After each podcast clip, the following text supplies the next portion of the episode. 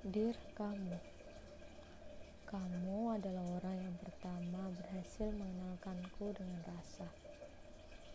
Rasa yang tak hanya sekedar kekaguman. Sayangnya cepat atau lambat aku harus mengubah rasa itu menjadi kenangan.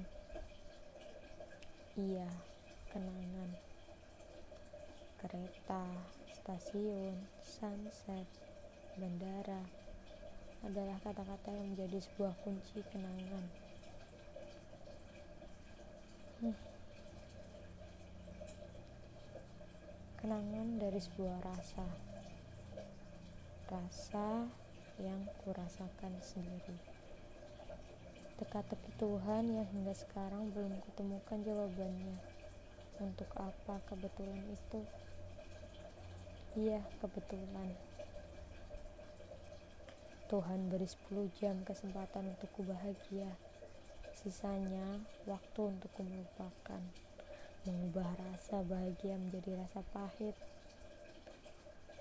Setidaknya itu tugasku sekarang.